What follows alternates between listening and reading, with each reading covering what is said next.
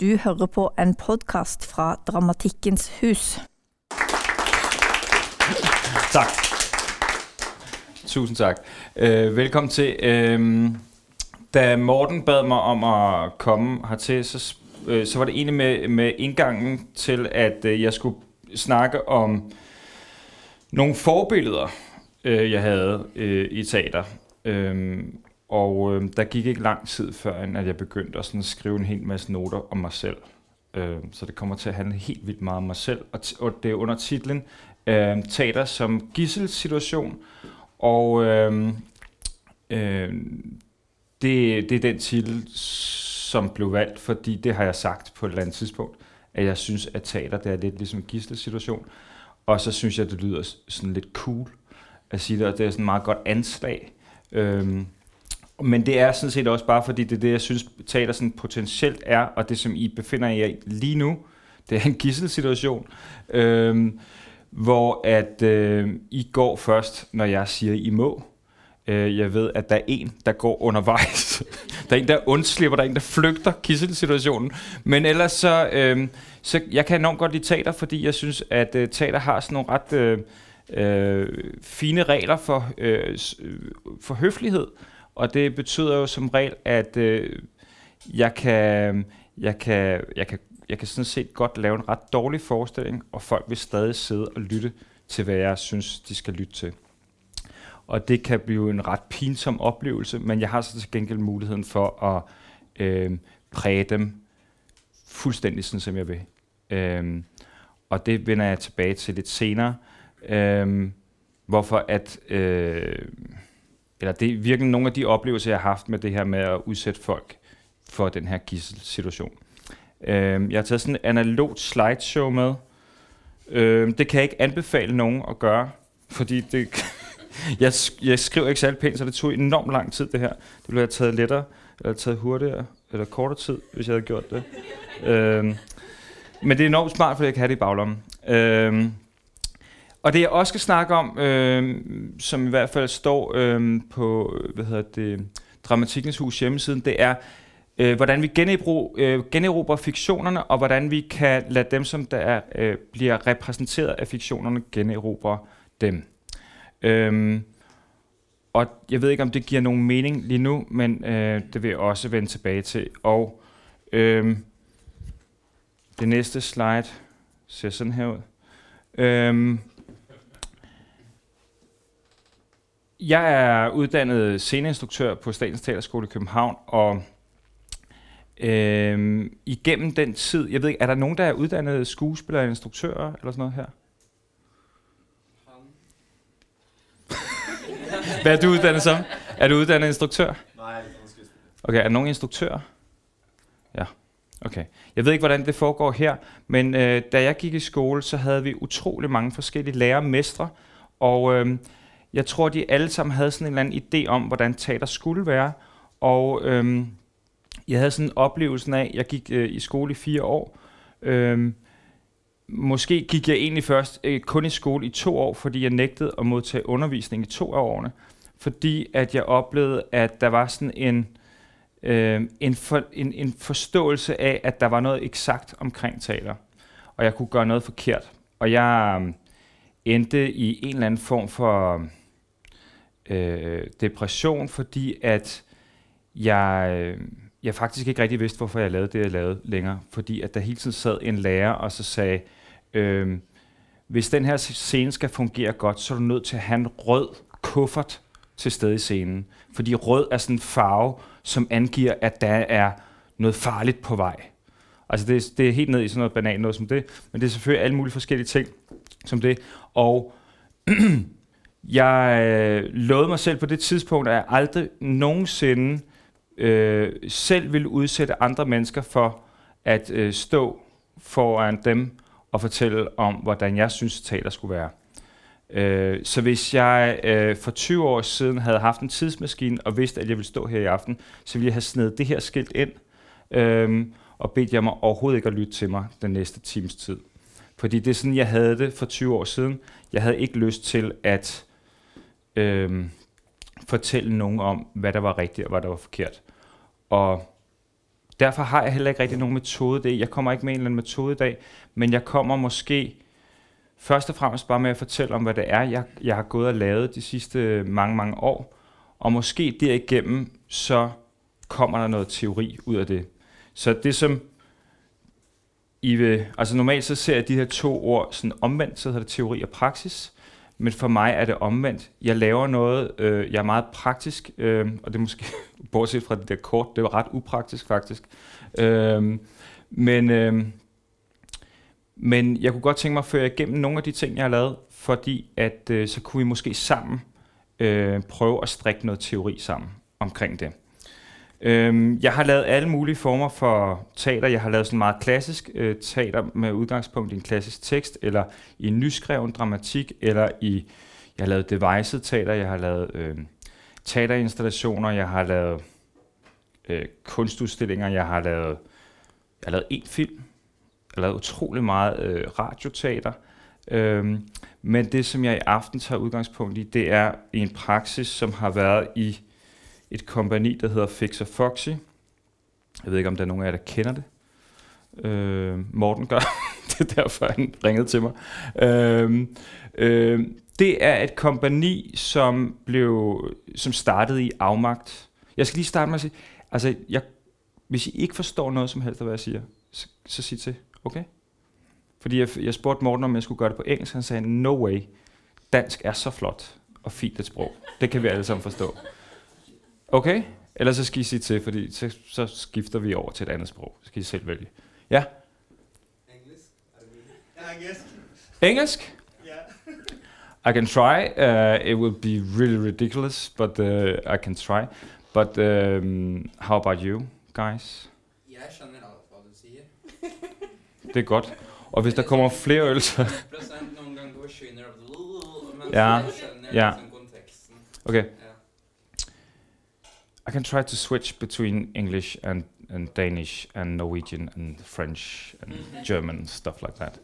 Um, uh, Fix&Foxy was a company uh, founded out of uh, some kind of despair.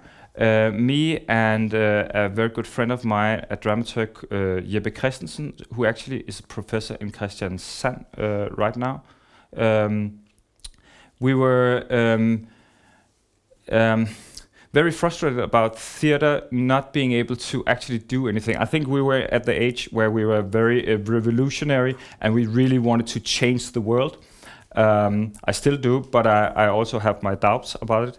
Um, um, but we wanted to, we, we, we had done some theater where we had actors um, um, reading texts who were written by people who had studied kind of problematic issues and wrote it down to a play. And uh, we found that some kind of there was some something that was kind of um, um, stopping stopping.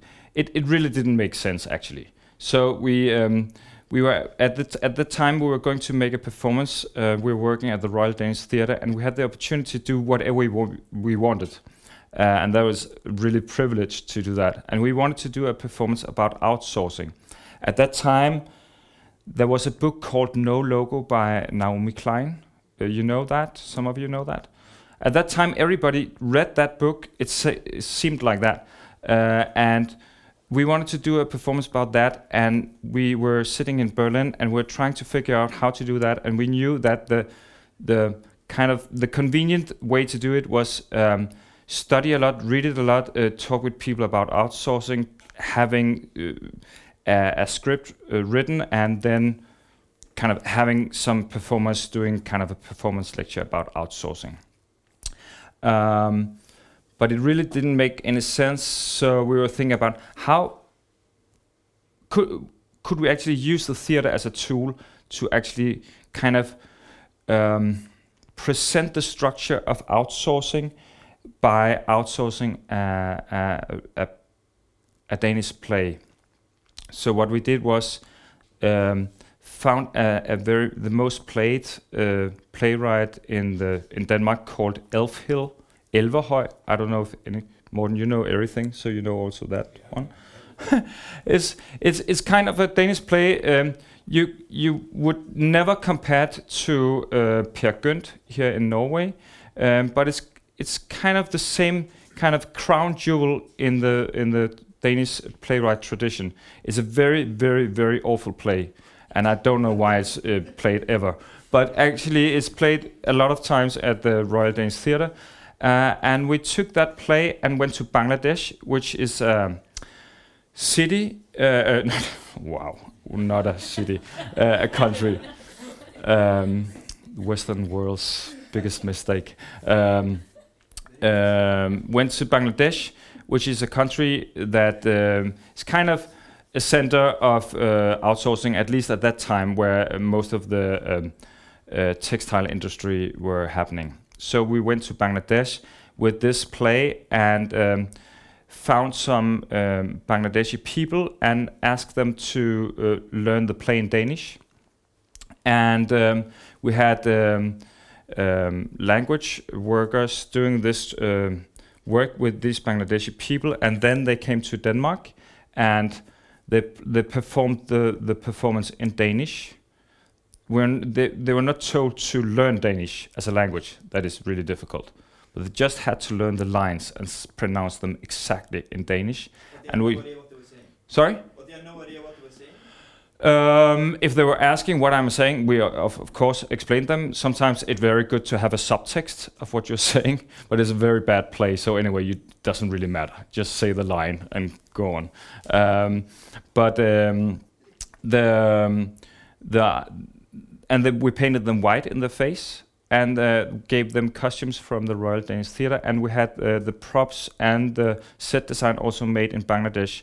So all in all, we had this production made for one tenth of the price that a Danish production would have costed, and um, um, for the rest of the money, we we we didn't spend on actors and making the set. We uh, we gave to the audience with um, by giving them drinks during the show, giving order pizza during the shows, giving them cash um, and stuff like that. So the audience were kind of a part of the outsourcing industry suddenly, and it was not just something we were talking about; they were actually a part of it. And in the middle of the show, the audience had the opportunity to to actually intervene in the performance and go out and demonstrate against the performance. And uh, some nights we had most of the performance uh, uh, uh, audience standing outside in the street demonstrating against the performance. Uh, and there were kind of two people sitting in there getting all the money and eating a lot of pizza and having a great time drinking all the drinks. Um, it made a lot of discussion uh, in the medias, and uh, I really loved the idea that there were actually politicians saying this is serious business. We can expect now in the future that most of the Danish culture will be outsourced to the to third world countries, um, and that was kind of the effect we we needed. Now we kind of put the theater into the not into the pages in the newspapers about culture, but in the um, domestics, um, the pages with domestic affairs um, and international uh, uh, affairs, um, and um, that kind of. Um, oh, I'm sorry. It. I have to remember my slideshow. The the performance was called "Come on Bangladesh, Just Do It," and "Just Do It" was of course inspired by the Nike uh, slogan "Just Do It," and it also kind of created an idea of. Uh, and I say this word now, and I will hate myself for saying it. It's kind of a method. I didn't say that, um, but it kind of it was kind of a tool. Just do it became something we were kind of measuring every kind of concept and idea afterwards. Um, not saying can we make a performance where we talk about things, but can we make a performance where we actually do it? And um, after this performance about outsourcing, we wanted to do a show about uh, trafficking, about prostitution. Uh, we were very much um, we were living in the area of Copenhagen where there was a lot of prostitutes in the streets, and we were just um, really, um, uh, really troubled about the idea that you can actually buy another uh, person uh, for sex, and um, we thought that we cannot we cannot really have an actor um, do the part as a prostitute and kind of the traditional way of doing it. So so we were thinking about and we were remembering this just do it and thought okay why don't we just buy a prostitute every night to do theater with us that would kind of engage the audience as kind of engaging them in the relationship as the buyer uh, in the relationship with the with a prostitute because a lot of us when we're talking at least to each other we don't really know a prostitute. I don't know if any one of you know a prostitute. If you did you might not wave your hand anyway but the idea that you don't is kind of when we were meeting uh, these women in the streets i always kind of looked down because i didn't know how to engage with this person this woman was kind of another species, and I didn't know how to to to. I, I mean, everybody everybody else, I would kind of smile to and say, "No, we don't do that. We don't go by hello and good morning uh, to each other in Copenhagen." But but kind of um, um, being leveling uh, another person. But these persons are kind of a parallel um, society, the prostitutes. So we wanted to do a performance by uh, by um, buying a prostitute every night. We just needed a play to to to have them playing, and we are talking about all kinds of stuff. And actually, it was by co- coincidence we are talking about the movie Pretty Woman. Um, and actually, that was um, that was actually the beginning of another kind of method um, Pretty Woman is an extraordinary film, especially because most people in the world know that movie. I don't know. Does anyone? Is there anyone here not knowing the movie Pretty Woman? How uh, does has anyone seen it twice? Wave your hand. More than five times? Yeah. um, when we're doing the performance, we're asking the audience in the beginning uh, how many times people were seeing that watch had watched that movie, and there was one person who had seen it 50 times. That was the record. Um, and the idea of using a pop cultural um, movie was very interesting. Sorry, um, because we had kind of a collective subconsciousness. Uh, we have kind of uh, the idea of one of some of these um, uh, phenomenons, and um, uh, Pretty Woman is one of these um, huge stories that is actually more known than most of the other uh, dramatic classics we're seeing in the theater. So we were thinking about, okay, this is interesting. We were working with a social political issue and we combined it with uh, this um, movie. And um, every night we we bought a new movement. Uh, she got an in she got the lines and the directions of what she was going to do. And um, we placed containers we built our own theater in the middle of the prostitution area in copenhagen and uh, created the set the film set of um, the hotel room in pretty woman and she was invited into that room and played the scenes with uh, professional actors. And it created a huge debate, um, and um, most people, especially politicians, said it is disgusting. How can you pay another person to play theater? I found that very, very interesting.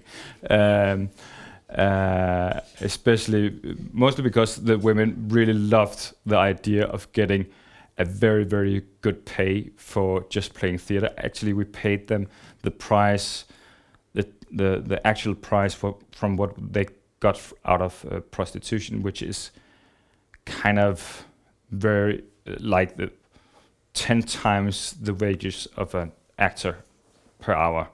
Um, but uh, but playing theater for that kind of money is really much more fun. Um, and the idea that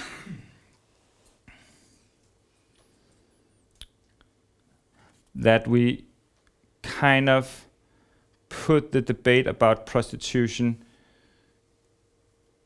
into kind of an area which where where politicians and and and and medias haven't been talking about it before because what we were troubled about about the debate about prostitution that it was kind of really stuck and everybody you knew what people were kind of what what they had uh, for opinion about that issue uh, but at this time we got kind of a new uh, way of discussing this. I don't know if we helped anybody, but uh, actually last week I heard from one of the women. It was 10, 10 years ago we did it. Um, I heard from one of the women who now got children and a diff- totally different life, and she wanted the video from the show because she wanted to tell, to to show her new husband um, what life she had at that time and I found that I find that really nice. That um, I don't think if she have talked with him about being prostitute, but she have definitely told him about playing theater. Um, at this time, we didn't actually have a name for what we were doing, but we we knew that uh, if our company were going to to work further, we needed um, kind of a name. And um, at that time, I was very uh, fond of a German director called Frank Castorf, who also were uh, artistic director of the theater Volksbühne in Berlin. Does anyone not know Frank Castorf? Okay, that is totally okay. but at when I was young, he was kind of God, and he said something about he thought that theater should be politisch, aber sexy. And I've and I found found that very very political and very very sexy, and I thought uh, um, that was a really ridiculous name for a theater. But uh, I would like to have a name something like that. Um, but what we were doing was also kind of shows where we where it was very necessary for us that the audience kind of felt um, engaged and um, they found themselves um, feeling like home. Like um, when Morten said, "You don't know how many who will come tonight, but please feel like home." Um, uh, and it was kind of the same theater we wanted to to make, and the way we were trying to do that was only using materials that you actually can find at home, some something like that. Of course, it was is that's pretty much a lie in in in reality, but that was at least the idea that we that we used all kinds of stuff from a from a hardware store, for example, and that's why there was kind of an idea of this name, but it was already already taken. Um, you know Jem & Fix? You have it in Norway? Nay.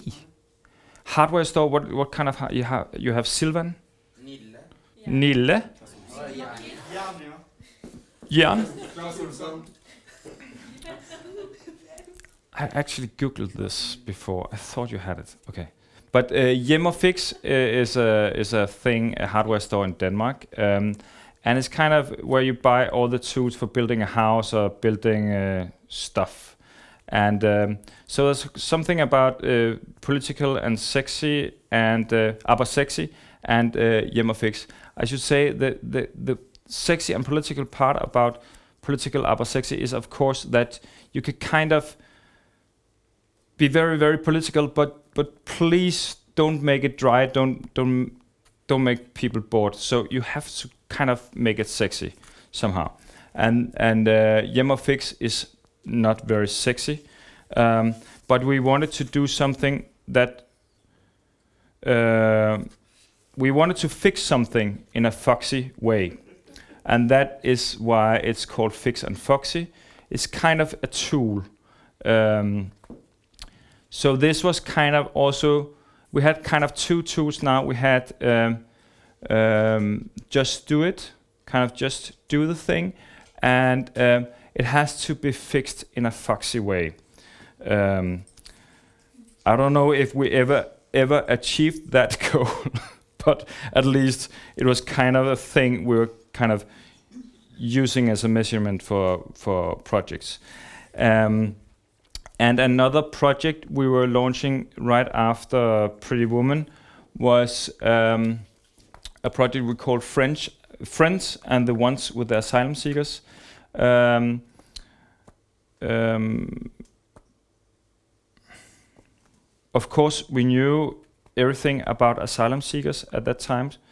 Um, we have seen all the documentaries. We saw all the black and white pictures about depressed uh, asylum seekers sitting around in camps around in Denmark. Um, and kind of kind of wondering if they were very much kind of this picture you have already you all know this picture about asylum seeker sitting looking out a window in a black and white photo looking out at freedom uh, in an asylum center stuff like that um,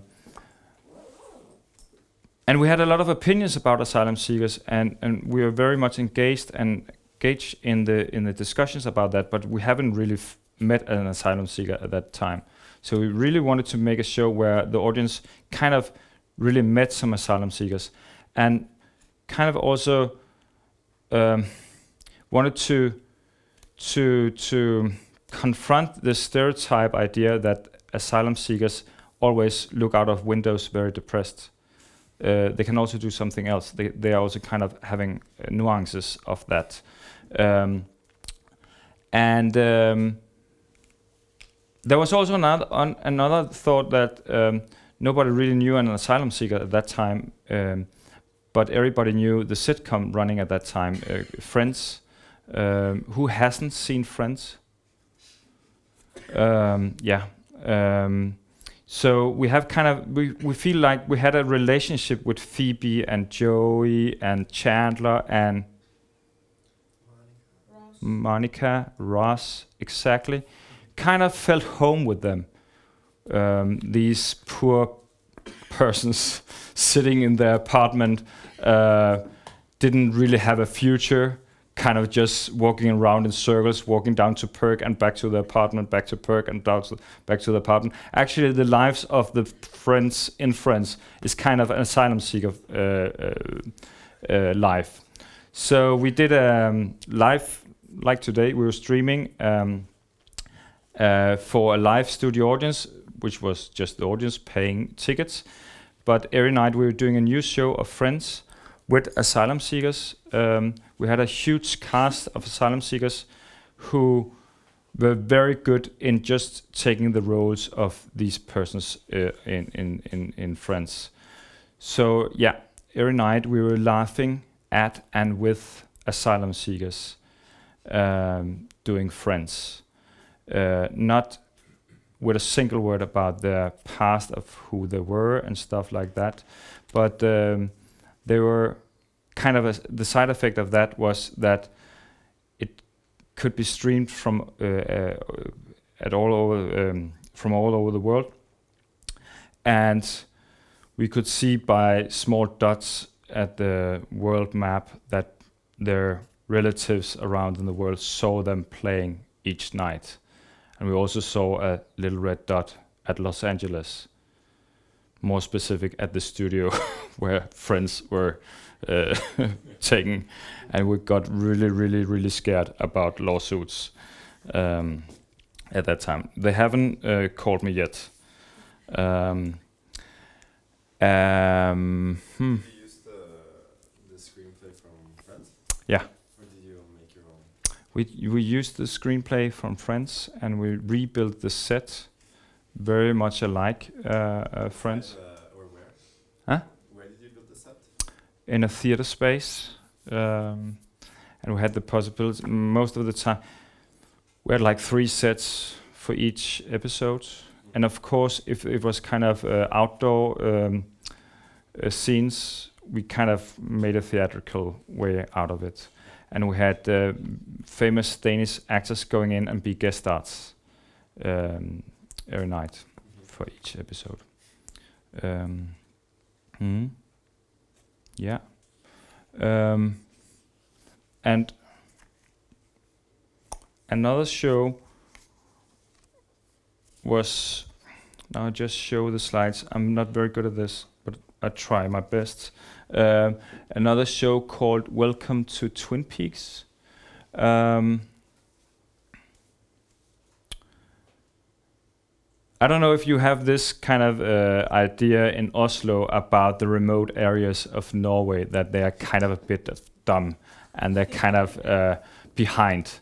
Um, but we definitely have that in Copenhagen and the uh, the larger cities in Denmark. Kind of the idea of that 20 kilometers or, or 100 kilometers from where I'm standing right now.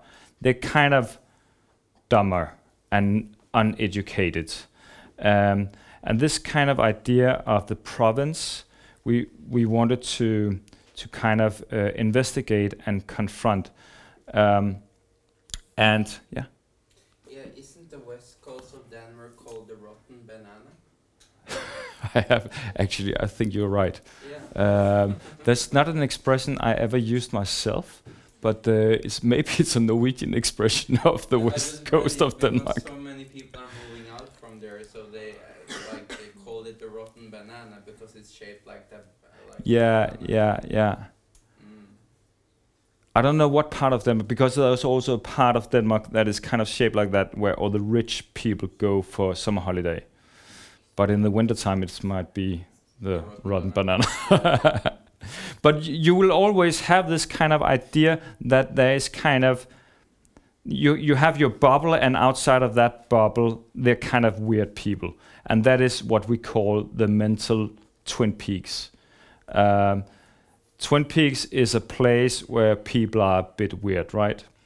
Um, and when we went to this remote province of Denmark and were talking about that, they got really, really angry and said, We don't want to be a part of that narrative anymore.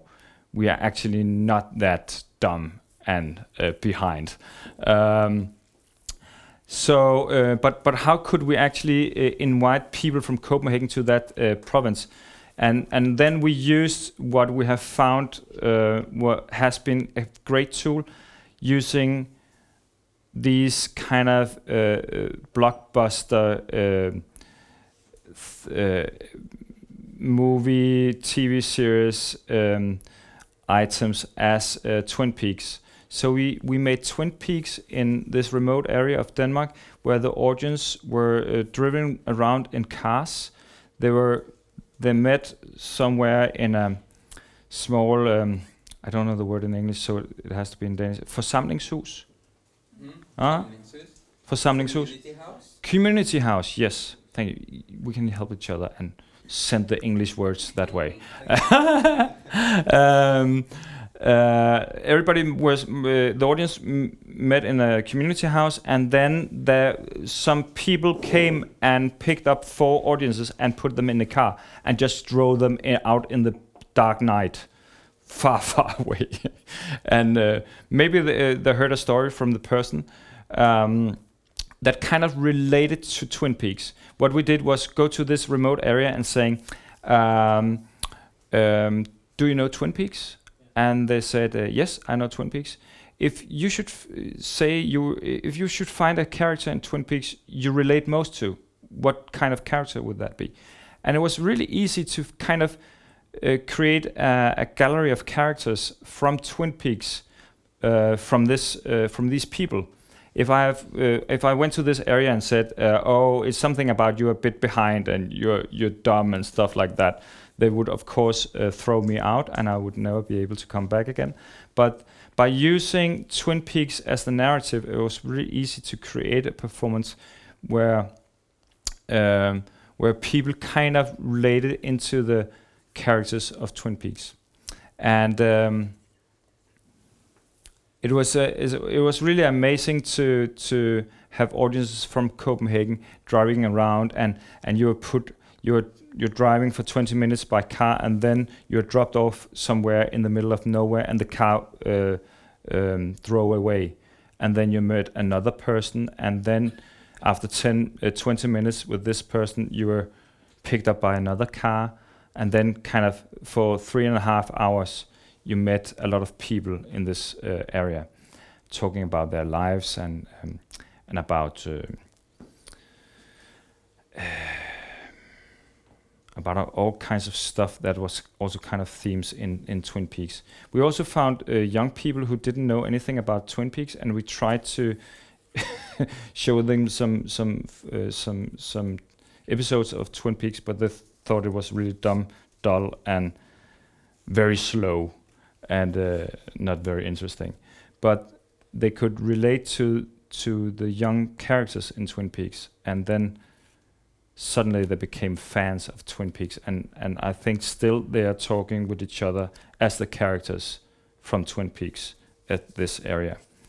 Um, but this was a kind of a new, it was a new tool for us, um, using the the fiction as kind of a mask on uh, on mirror.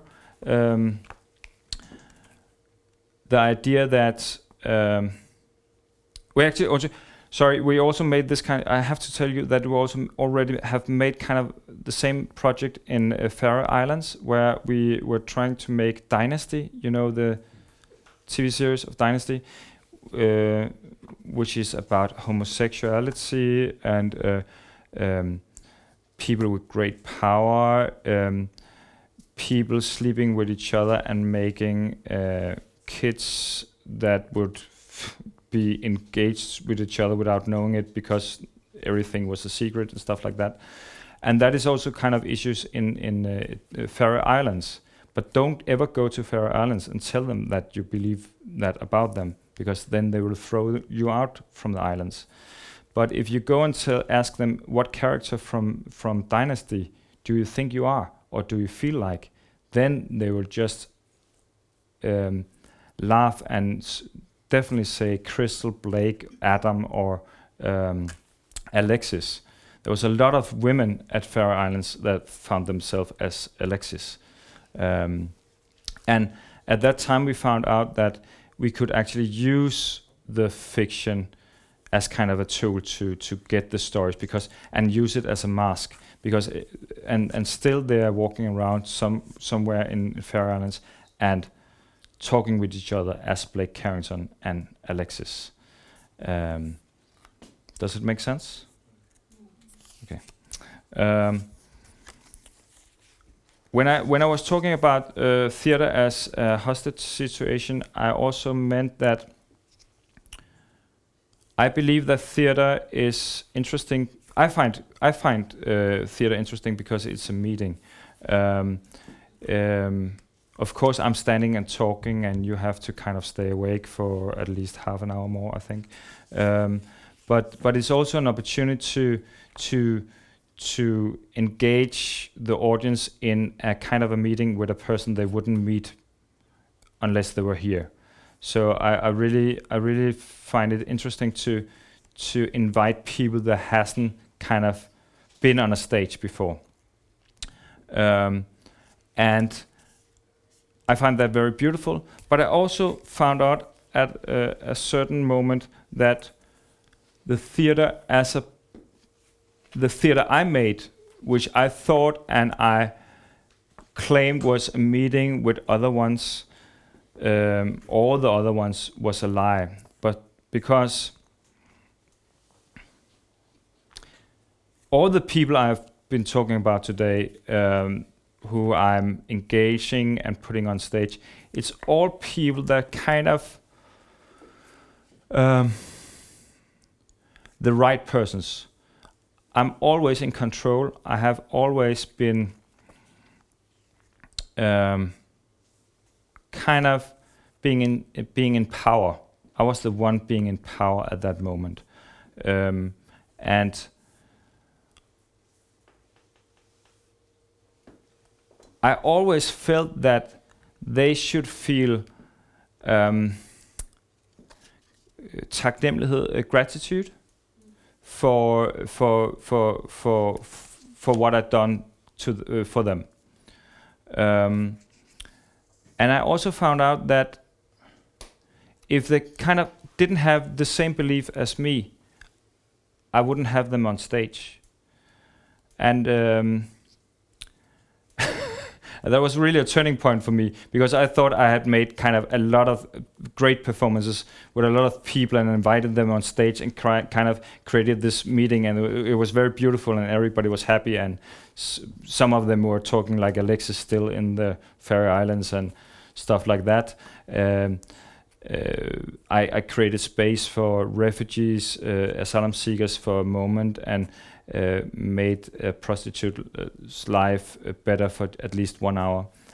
But I also had to kind of reconsider that I actually had the, the sp- this space, the theater, closed for a lot of people. Um, I only invited people that was our superior um, and uh, who I thought had the same beliefs and uh, that myself, and that kind of forced me into do a performance where I was uh, inviting uh, some somebody I didn't want in the theater space, and I, I also needed to do a, a performance about myself, and that was uh, a performance called Rocky, um, and that was the meeting with the, the what you ubekvemme, uncomfortable. Yes, of course, with the uncomfortable. Um, it was very much about all of, who hasn't seen Rocky. Okay, um, I always pick stuff like this. um, uh, I always loved Rocky, and I, I don't know if you lo- love Rocky of uh, of the same reasons than me, but I really like the idea of the story about the little one who who really uh, gets a chance to to get the title from um, from the the superior somehow. I really love I I love of course the the what you call it where you kind of have this images where you where you train and you do like this uh, exercise. yeah you exercise but it's called some montage yes i love this montage where you see first the first montage he doesn't do it very well and next time he he runs through the city and he's kind of he's trying to regain uh, his own confidence and um, uh, believes in himself stuff like that i really love that story but i really love it because um, but, but no, but I question myself: Would I would I really love it if actually Rocky didn't go the way I suspected him and I wanted him to go? What if Rocky went to be a very, very, very right-wing politician and got very successful? Would I still love Rocky? So I did this show where I had an actor being myself. He was actually dressed not like this, but mostly how I dress normally, and he was talking about this fascination about Rocky and and how Rocky suddenly became uh, left wing, and um, in the end of the show, um, uh, the actor leaves. I cannot. It's I cannot tell you all the details about the show, but the but but the idea of him leaving the show and um, a, a very famous uh, right wing politician enters the stage and having five minutes of um, time, uh, five minutes of free speech on stage. Um, that was kind of the project. So the whole performance was just all, all the text I've been reading was just a prologue for this moment where I introduced a person who has never been on a stage in Denmark ever before. And I suddenly also found out that the stage, at least in Denmark, is a very, very I knew, of course, it was very left wing, but it's also kind of a church. We have a, like a menighed. Hvad hedder menighed? Congregation. Hmm? Congregation. Congregation. Congregation. Congregation. Yeah, you know what I mean. I know what you mean. Super. It's Uh, it's very poor, but I try. You can- you can Uh, if you want to. um, uh, it's it's it's kind of the the choir of the right uh, the, the right believers, right? Um, and uh, when she entered the stage, the, the the I haven't I haven't felt that kind of electricity ever before in a theater space, because the audience felt under attack from kind of another power coming into the space, and um, it was interesting for me to see how I have been a part of a religion I had been practiced for so many years without kind of um, at least engaging uh, the idea that a part of the society I'm a part of uh, have never had access to that stage. Um, and the um, uh, I'm losing language now. Udfordring. We're doing this together. Great. The challenge challenge of that was really um, was really interesting. Um, and I found out that I have been a part of repeating a binary uh, narrative of the good ones, and that was definitely me, and the bad ones. And and I and I and I've found that I had to to apologize. so so it was actually a really interesting process of uh, of um, kind of looking back at all the work where I've been like the finding myself as a good guy, always um, preaching for the believers about the other ones. Um, so why I'm telling this is that not not because I'm refusing refu- refusing all what I've been doing, but I'm really thinking for me there is kind of a turning point right now, and um, it's also yeah I I come back to that. Uh, the last show I want to talk about is that at the same time I was doing Rocky I was also going to do a show. Uh, we were going to do, do a show about um, Africa, and uh, when I said Bangladesh was a city, it's kind of the same way uh, we we look at Africa. We look at Africa as a country, not a continent. Um, and we wanted to do a show that kind of were confronting that fact that we can't really uh, understand this part of the world. We know it. We have seen all the movies, all the documentaries. We we have kind of uh, engaged somehow mentally in this part of the world, but but at least I have never been there, um, and and I really didn't know that part of the world, and none of my friends did. So I wanted to invite the audience into an understanding of what Africa was by having African actors telling their their their view on what Africa is, which is also kind of ridiculous because it's so complex. But that also kind of nail it down to the point that I think that by engaging some African actors, they can tell me and enlighten me about Africa. And uh, I also needed a kind of narrative that was kind of understandable for me. And I found that Western narrative is very, very good as a kind of a frame for understanding very, very complex and difficult things. Because in a Western, we have sheriff, we have the bad guy, we have the duel, we have the showdown, you know, all this. We have the caretaker, uh, no, the undertaker. We have all these characters. We know it's kind of very easy to have a moral compass in a in a Western movie. Um, so I went to to Johannesburg, um, and I had a meeting with um, with a person who are going to be my uh, South African co-director, and introduced the, uh, a, a cast of African uh, very very talented actors uh, to the idea that they were going to to to to try to make a performance about African through a Western narrative.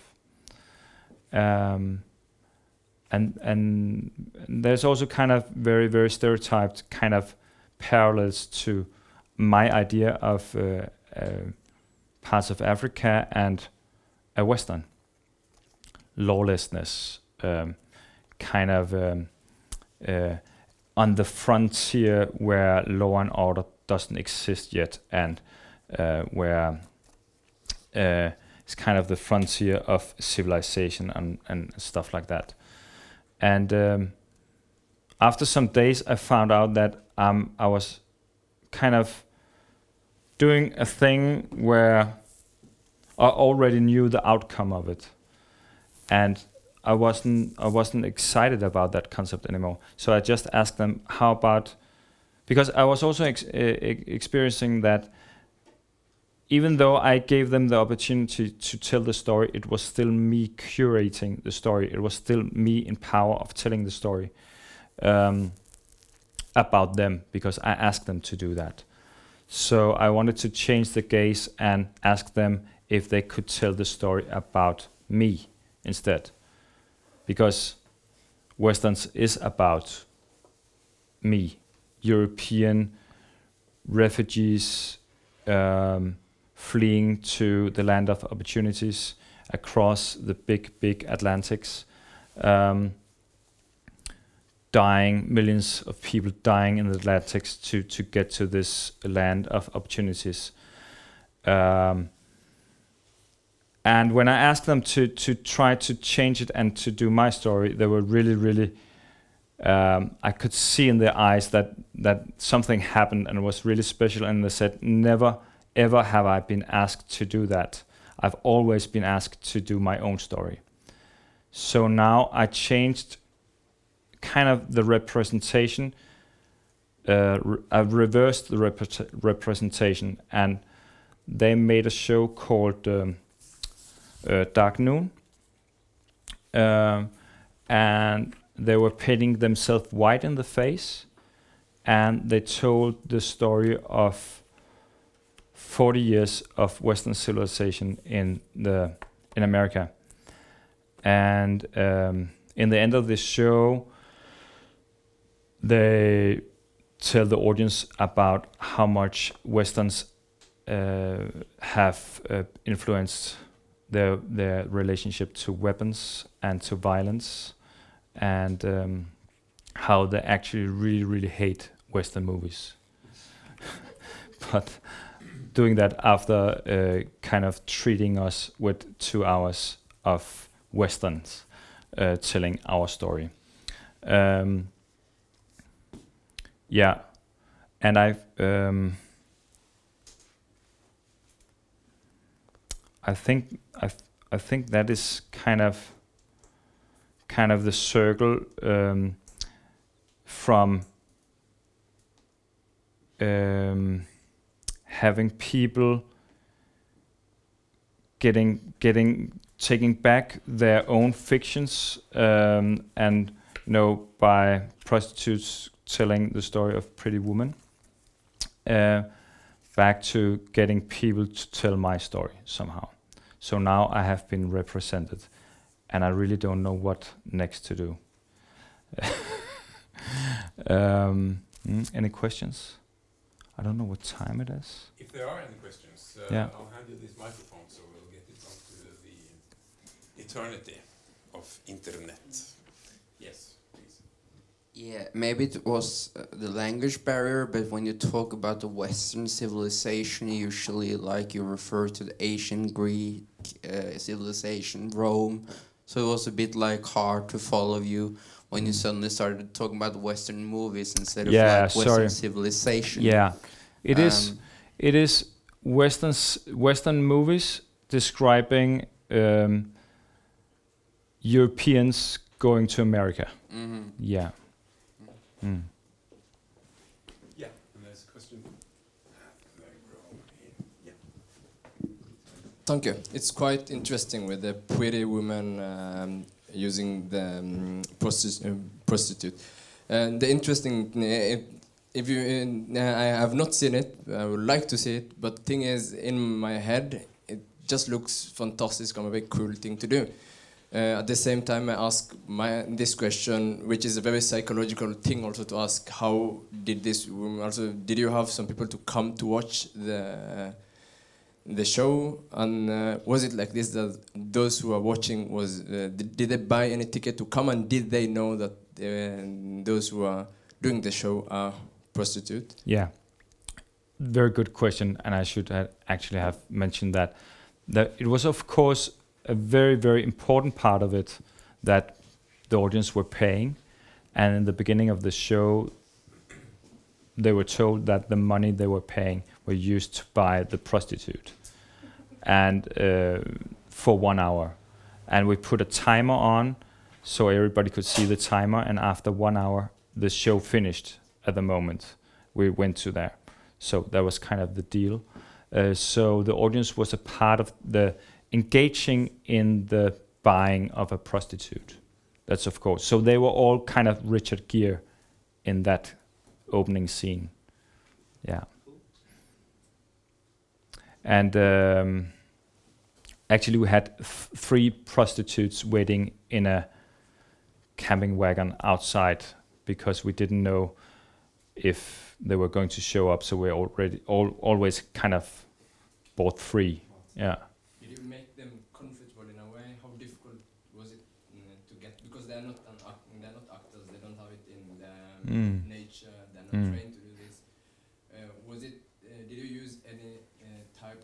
How long did you get them comfortable in that they?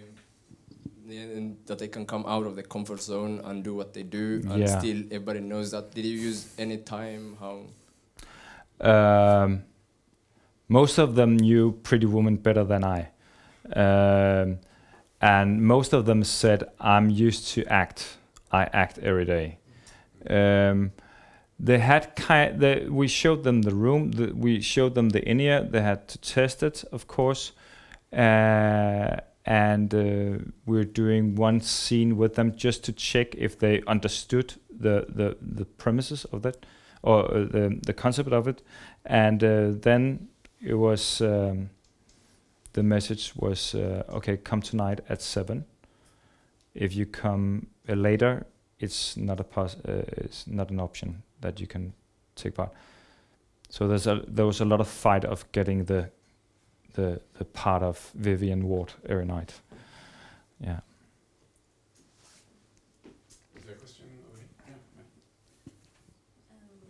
Yeah. Uh, first, I would just like to come with a personal recommendation, and that is to, um, if you're curious, uh, go and take a look at the pictures for all the performances, because I know that I did research a long time ago about your work.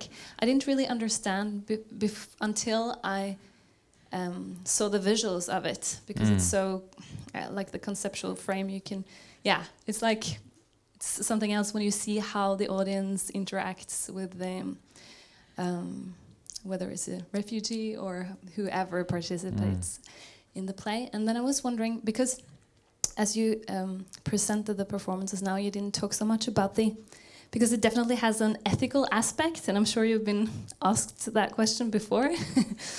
um, also know that your project has been called provocative. So I was just wondering if you have um, even more than, than what you briefly spoke about now, um, thought about the ethical aspect of the kind of vulnerable people that you have invited into your uh, as collaborators. Yeah, I just waited for that question. and here you got it. um,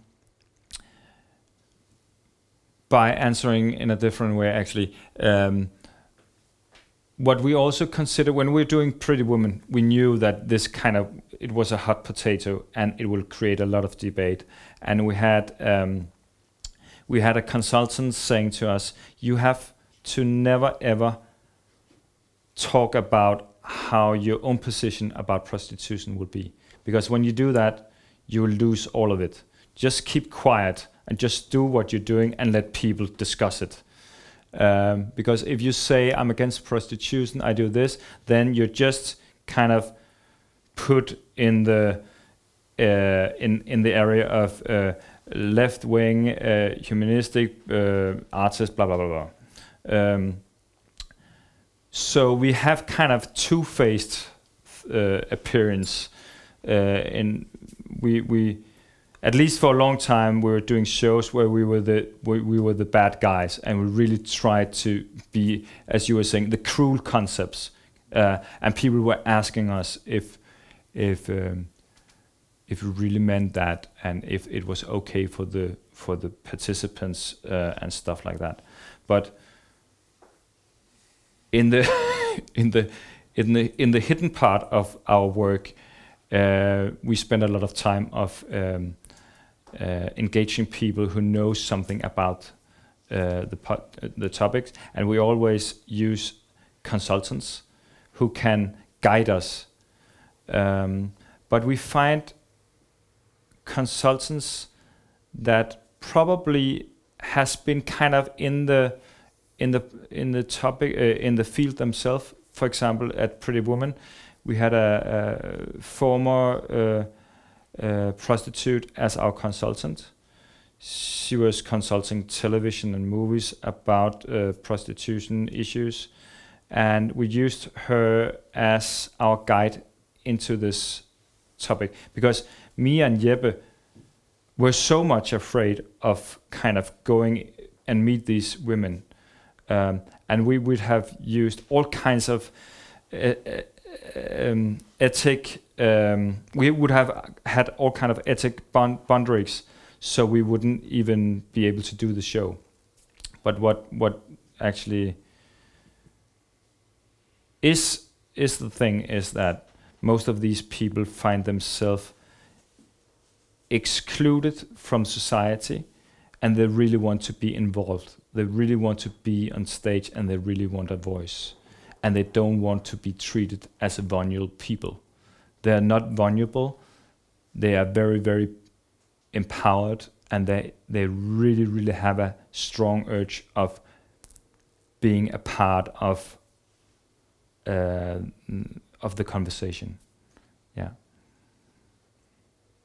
I don't know if they, uh, but but but but uh, to to to sleep uh, safely at night, we all always, of course, have a lot of ethic um, um, considerations. But one what what I have found during all these projects and years is that it's very very important to to invite people into this kind of work and tell them this is not a social work.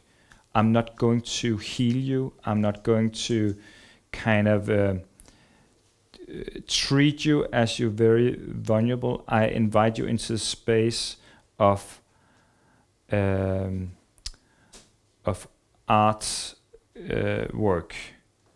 And what we found out, if you say this, people are really, really happy about it because they have been treated from social welfare, you know, or kind of uh, social institutions all the time. So if if they can kind of be in this space where they just do theater, they're just very happy. Um, yeah, but it's all and people are. s- Uh, we had. I don't know if that question would be the next question. What would the next question normally is? Uh, but what do you do with these people when the show ends? You have kind of created a hope for them, and then you're just vanishing. And um,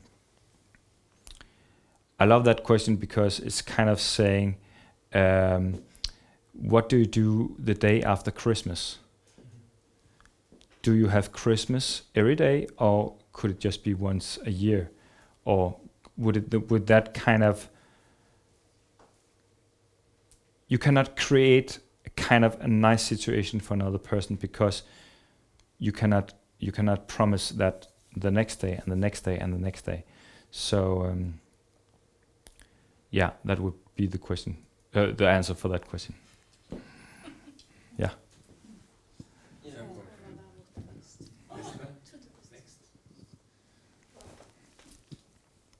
I was just wondering because uh, about uh, Twin Peaks and the um, and the Dynasty piece because uh, I was just wondering what you what your because you're talking about like this rotten banana side or like this Somebody did. somebody did.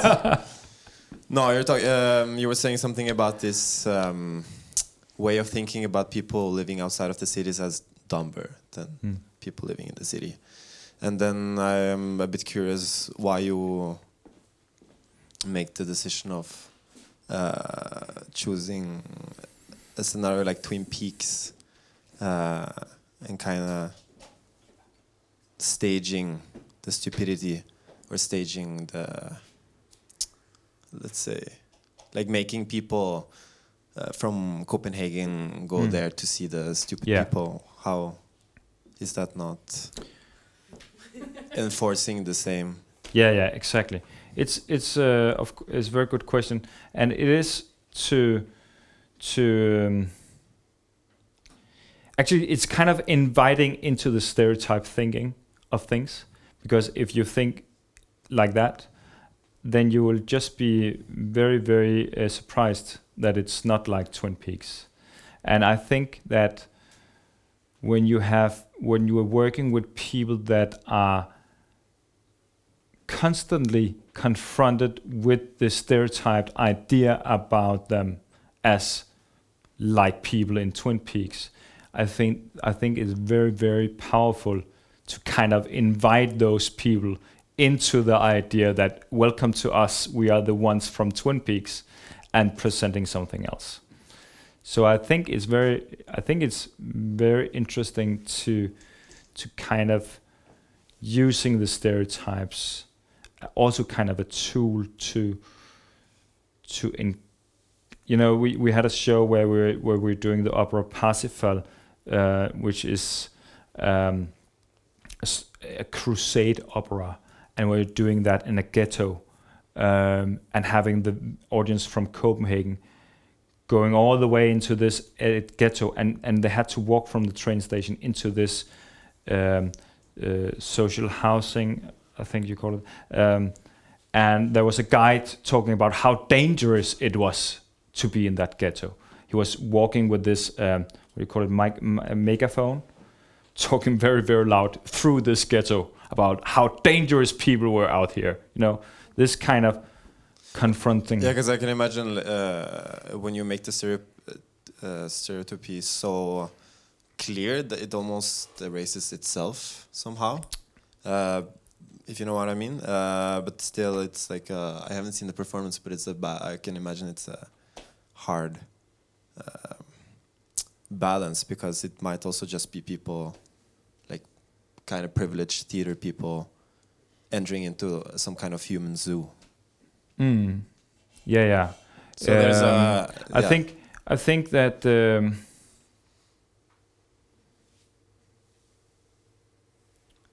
I also think that is is interesting, um, but I think that um, most of the times you will find yourself. you know. Uh, or of course I could all I could always I could always create kind of a framing that will make you feel that you are entering a human zoo. But I'm not really interested in that. I'm more interested in that actually create kind of a, a, a meeting. I want to I want to put up a table here and let's eat together while I'm talking like a character from Twin Peaks. But eating together with you by uh, and being in a character will kind of create two kind of parallel layers. But I think what you will remember was me as kind of mirroring yourself somehow. I don't know if that makes sense. No, but it But may. it- It, We have one more, Yeah. one more question. we, we can talk afterwards. Just behind you. Yes.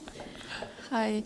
Um, I just wondered if you could uh, maybe say a bit, a little more about uh, what led to your thoughts about uh, being uh, in some kind of religious uh, place in the theater, and the left wing and the right wing, and uh, and Yeah. also uh, maybe how this um, this performance um, did it change anything of your work afterwards? Uh, Rocky. No, I meant where you uh, where you said that you uh, felt the the need to apologize for picking the the like the good people and the left wing, and then you had the, the Yeah. performance with the right I right think wing. Yeah, yeah person. yeah i think so I, I think definitely it has at least it kind of put me in a new place where i have to also thinking about my own stereotypes i have been kind of saying from for for the most of my in the most of my work that i have kind of tried to to um, uh, fight the stereotypes but I actually just built it up other ones. And of course, that kind of um, put me in a very, very difficult position because we always have kind of images of each other, and we also we always have a fiction uh, about each other. Um, so how can I make? And that was actually the card I didn't throw because I'm so so afraid of it. Um, it's kind of how can we how can we uh, fight against the binary uh, stories and i've been i've been creating that all my time. I've always created the story about me as the good one and my beliefs. And you have to trust me that what i stand from for and what i tell you is the good intentions and they're like we always kind of portraying rich people as greedy and um, most of the time at least um, and the bad guys and the poor little uh, poor little guy as kind of the good guy and stuff like that it's kind of uh, we're st- we're still we're still um, narrating fairy tales uh, about the good good versus evil and I think we are living in a time that is that complex that it only makes us stammer to kind of reproducing this kind of story. And it kind of, if we're not able to present for our audience complex stories that doesn't really have this kind of old narration, then we won't be able to talk and exist in a complex world. Then we'll just go and find our very, very simple stories again. And that's why binary, simple, good versus evil narr- narratives still works, and especially at these times are very much in growth. Yeah, that's very interesting. I, I just may I have a follow up, a short follow up. Uh, uh, what led what led you into these thoughts uh, about yourself and uh, your theater world? It came out of, uh, it, as I told, as I said, that Fix&Foxy started out of Aumacht despair. Is that is that right? Um, it was kind of a new wave of despair. it's kind of I don't know what to do because I think uh, the world is going right wing, and me as a left wing artist I, are just helpless. I felt so helpless. I couldn't change anything, and in all this kind of despair, um, I, I I found myself very very uh, miserable, and I felt pity for myself, and and and I kind of yeah I don't know out of that I had to reconstruct myself somehow, and I found out that um, uh, I don't know the English word of rumlig, to be Spatial. huh rumlig yeah Spatial. spatial. Um, to to I have always said that I'm very spatial. I I I, want to kind of create rooms where uh, where we all can be together. Um, we are the world, stuff like that, right? Um, but wasn't really realizing that half of the country I'm living in I don't agree with, and how can I? keep on going like this that I always have to find myself as the opponent for half of the population. Um, so I, I, I realized that I re- You yeah? already gave your strategy in your title. I, I just, sorry, I'm hijacking this because you have to turn back to your starting point here. Mhm. I'm holding to your, uh, holding you to your title. you just suggested that, that you hold the audience hostage. Mm. So you have already engaged in some some other form of um, communicating with audiences by saying that I have your bodies, I have your time. Mm. This is what I'm doing. Mm. So Yeah. can you please just round up with saying something more about how you feel about the audience that actually give or you take their time and their bodies and how you you use Yeah. that in your further investigations of how to be an artist in this Yeah.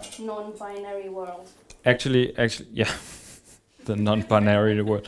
Uh, um, actually, the the the expression of um, theater as a hostage situation came out of the work of with Rocky, where I really found out that this is very very uncomfortable for the audience, and my weapon is politeness. They stay there. Most of them stay there. Somebody was shouting and leaving the theater, very very. Um, offended, but most of them they were sitting there, and I really forced them into listening to this person they haven't met before for five minutes. Um,